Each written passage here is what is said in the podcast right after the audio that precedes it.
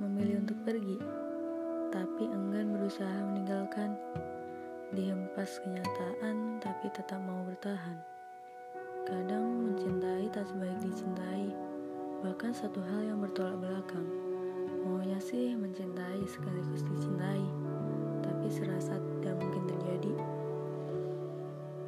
Mau pulang, takut jatuh di jalan lalu tak mampu bangkit untuk berdiri kembali.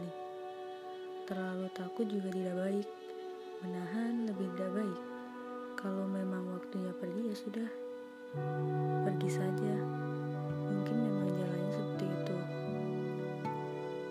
Kadang kita juga tidak tahu mau ke mana lagi, bingung.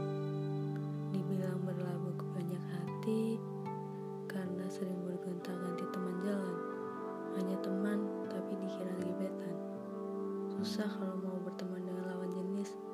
aku jatuh hati dan mata hati. Bingung kan kalau sudah begini?